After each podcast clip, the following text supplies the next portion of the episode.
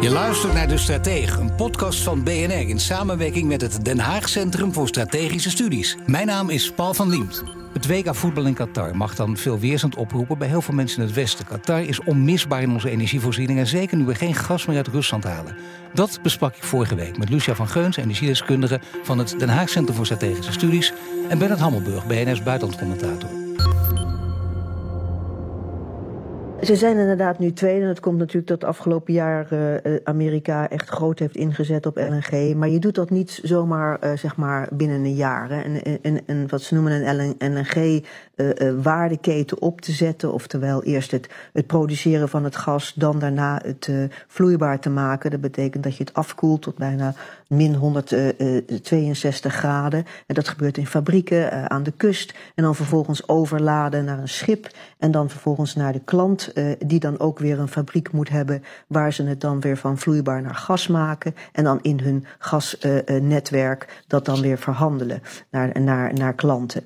En dat, en dat heeft met name in Azië heeft dat echt opgang gevonden. Je moet dus die hele waardeketen als het ware moet je met alle verschillende uh, partijen moet je heel goed hebben afgestemd. En dat hebben ze goed gedaan. En, en ook iedereen heeft daar op, op eenzelfde wijze geïnvesteerd. En dat betekent dat er heel veel wat ze dan noemen in het Engels upfront capital is geweest uh, om dat uh, in, tot stand te brengen. Maar als het eenmaal gaat stromen, en ze noemen dat LNG-treinen, in feite zijn dat in, in varende pijpleidingen als je wilt, maar dan op een schip. En dat gaat jaarlijks heen en weer dan, dan, is het, dan is het eigenlijk een, een gestroomlijnde activiteit. En daar, daar heeft Qatar, is Qatar heel succesvol in geweest. Vanwege de oorlog in Oekraïne willen we van het Russisch gas af. Dat, dat verhaal kennen we. We moeten alternatieven zoeken. Als je dit zo hoort, kunnen we dan om, om Qatar heen of niet? Nou, ik denk dat Qatar wel een ijzersterke positie heeft in dit verhaal. Dat blijkt ook. Um, ik weet niet precies hoe we ons. Uh, het is, het is een, een, beleid dat zich in de toekomst moet uh, ontwikkelen. Het is natuurlijk een enorme stimulans, deze hele kwestie, voor de alternatieven. Dus uh, ik, ik, ik, ik, sprak uh, Frans, ja, Frans Timmermans, Frans ja, in de wereld. In, in, in BNR de wereld. de hernieuwbare energie in de ja, Green Deal. Ja, en die gaf overigens wel de, de, toe dat dat allemaal een tik heeft gekregen door deze ontwikkeling. Maar op zichzelf, als je er een beetje afstand van neemt, is het ook wel een stimulans. Het zet ons extra daartoe aan. Maar tot we zover zijn, dat gaat nog heel lang duren voordat het allemaal lukt. Denk ik dat inderdaad Qatar een partij is waar je, waar je slecht omheen kan. Lucia van Geuns en Bernard Hammelburg zijn ook nu mijn gasten, want we gaan luisteraarsvragen beantwoorden. Ja, Bernard dat is iemand die heel vaak ook goede vragen bij ons stelt. Die wil weten, Nederland gedraagt zich als een geopolitieke moralist. Dat is heel nobel, maar ook redelijk naïef. Kunnen wij het ons veroorloven om dat te doen? We hebben zelf een verleden, op bijna elk land valt wat aan te merken. En ook culturen wijken te veel af en dat levert onbegrip op. Zet die allemaal achter elkaar. We hebben het een beetje besproken vorige week. Maar dit zet alles wel op een rij. Wat zou jouw antwoord zijn? Mijn antwoord zou zijn, uh, ik ben een voorstander van realpolitiek, hoe hard het ook is.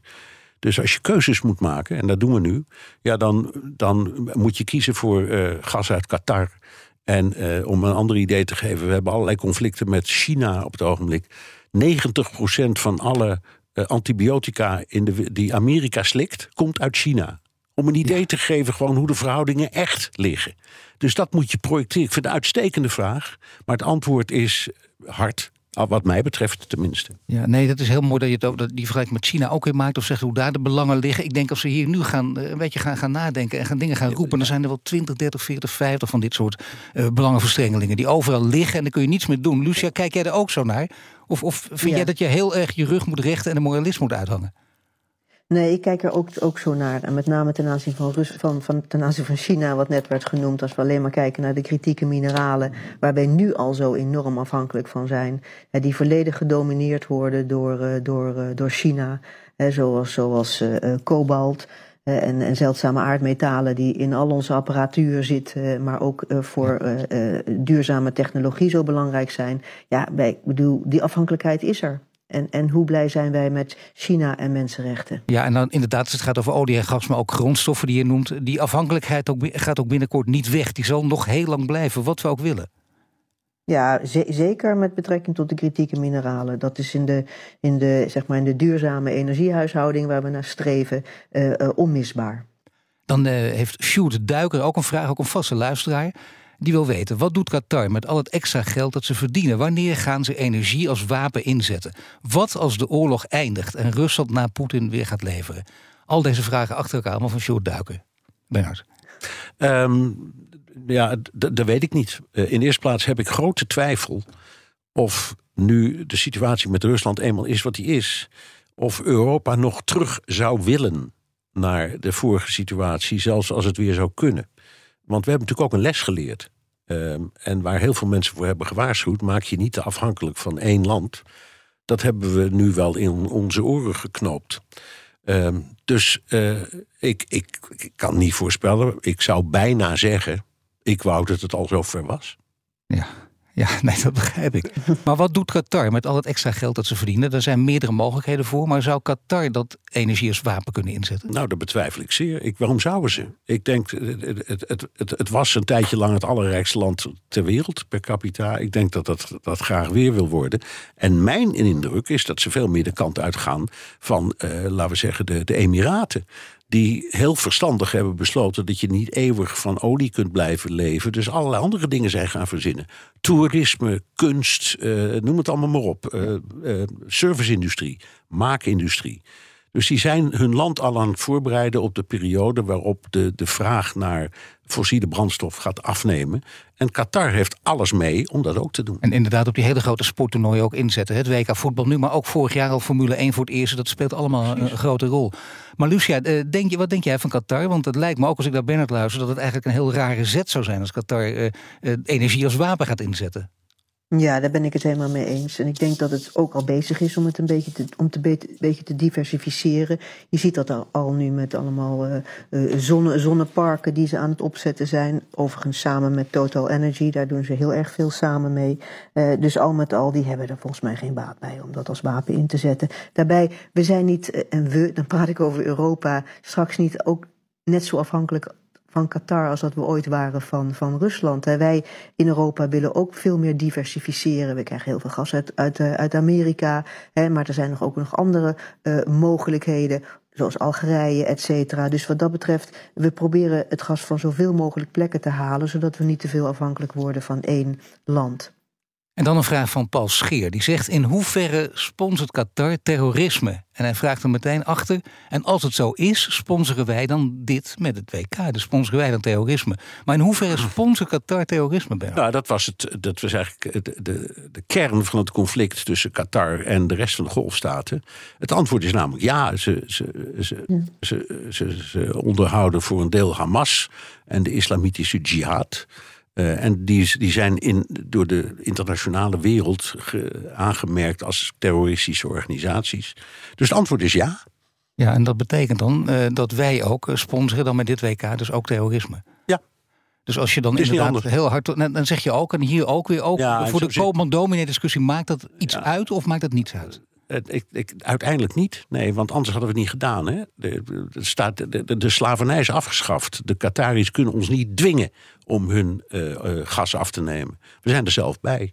En ik vind het ook weer een goede, uitstekende vraag. Je bent mede schuldig op het moment dat je zaken gaat doen met een land dat niet helemaal deugt.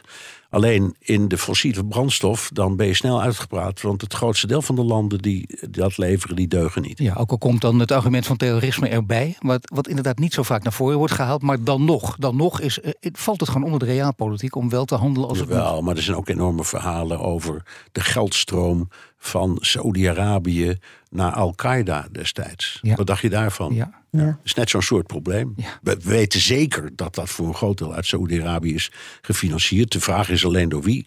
Niet door de regering, maar wel door een heleboel hele rijke Saudis. Ja. Dat is eigenlijk hetzelfde.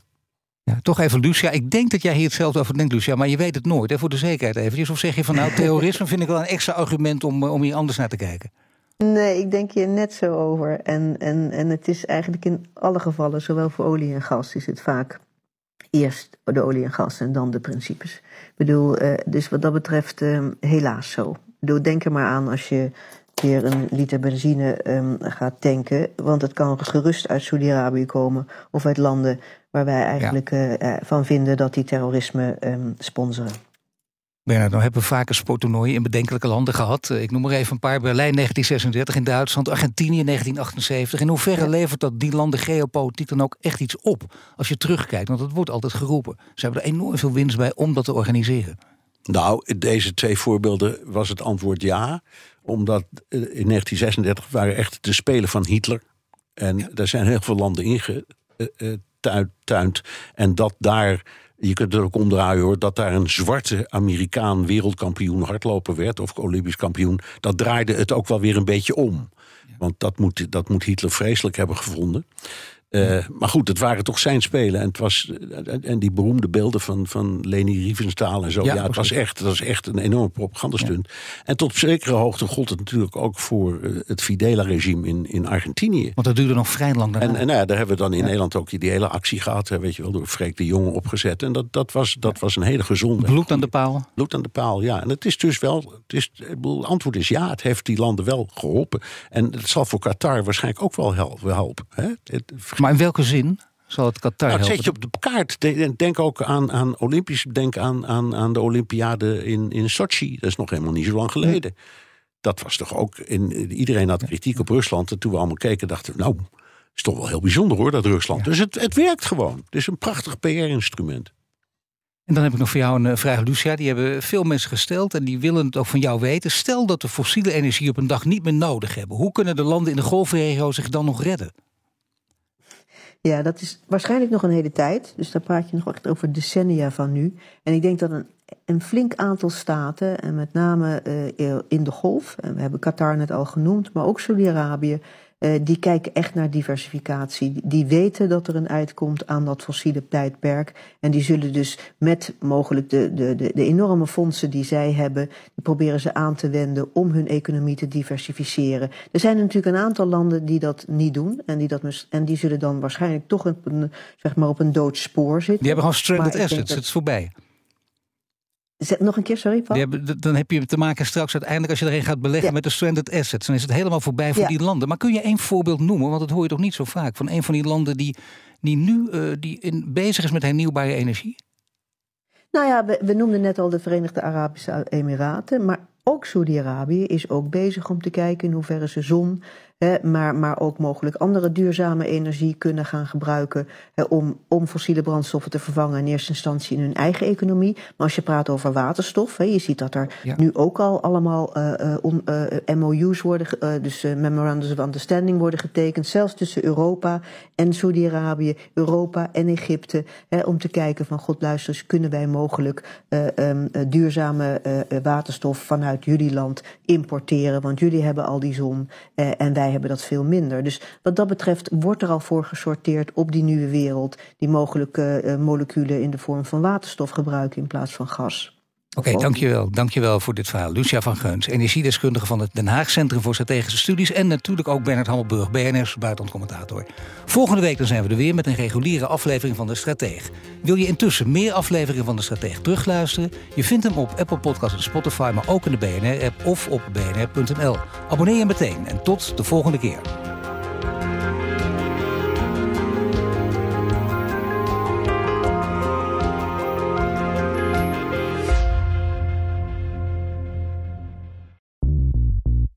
BNR ben je altijd als eerste op de hoogte van het laatste nieuws. Luister dagelijks live via internet. Jelle Maasbach. Wesley Weert. We zijn er voor je met het leukste, opvallendste, maar natuurlijk ook het belangrijkste nieuws. Tijdens de presentatie van die halfjaarcijfers toen die beurskoers in elkaar kukkelde. BNR Beurs. Voor de slimme belegger. Blijf scherp en mis niets.